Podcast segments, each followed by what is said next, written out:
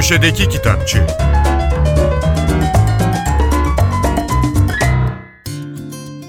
Merhaba, ben Adnan Bostancıoğlu.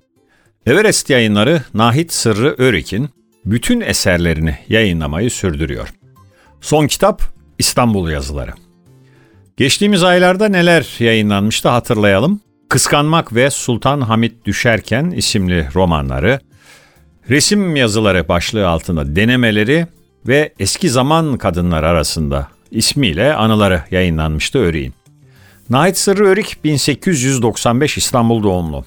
Dönemin muteber ailelerinden birine mensup. Beşiktaş'taki Aftab-ı Marif Rüştiyesi'nden mezun oldu. Sonrasında hangi okula gittiyse yarım bıraktı. Örik, Birinci Dünya Savaşı yıllarından başlayarak 1928'e kadar yurt dışında yaşadı.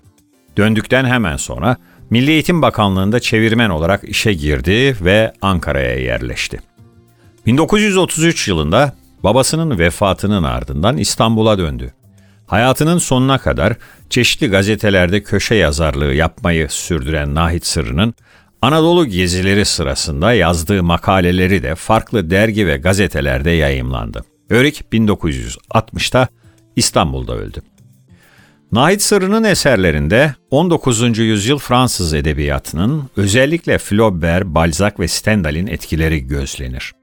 Hikayelerini üzerine kurduğu tarihi atmosferi, dönemin sosyal ve siyasi havasını başarıyla yansıtır. Yanı sıra son derece derinlikli, çok boyutlu ve inandırıcı karakterler yaratmakta da mahirdir. Gelelim İstanbul yazılarına. Bu yazılar Nahit Sırrı Öreğin 1933 ile 1954 yılları arasında yani 20 yıllık bir dönemde çoğunluğu Tanin gazetesinde olmak üzere Varlık, Son Telgraf, Yarım Ay, Milliyet, Dünya, Büyük Doğu gibi çeşitli süreli yayınlarda çıkmış makalelerinden derlenmiş.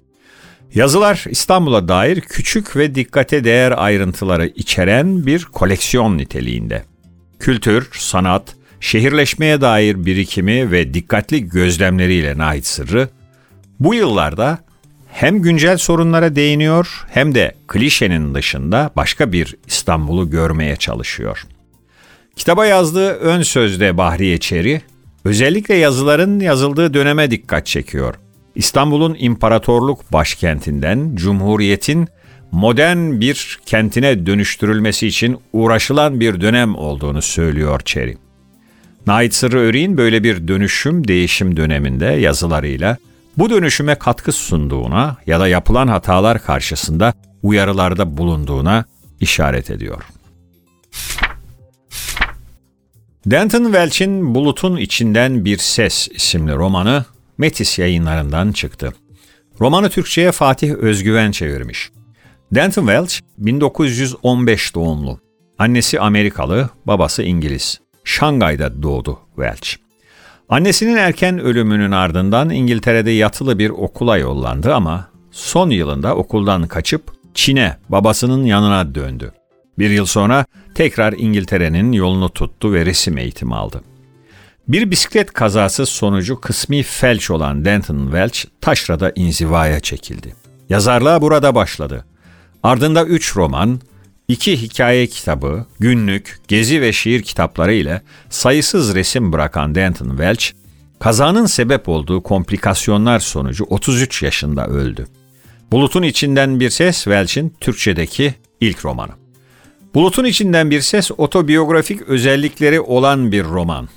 Genç bir adam yortu tatilini geçirmek üzere kaldığı pansiyondan çıkar, bisikletini atlar, bir yerde mola verir, ardından korkunç bir trafik kazası geçirir. Roman kahramanının bedeniyle aniden ve iradesi dışında değişen ilişkisini konu edinir. Uzun ve acılı iyileşme dönemi onu sadece bedenini değil, çevresindeki insanları, tabiatı, nesneleri, manzaralarla olan ilişkisini de sınamaya, yeniden tarif etmeye götürecektir. Herkese iyi okumalar, hoşçakalın. Köşedeki Kitapçı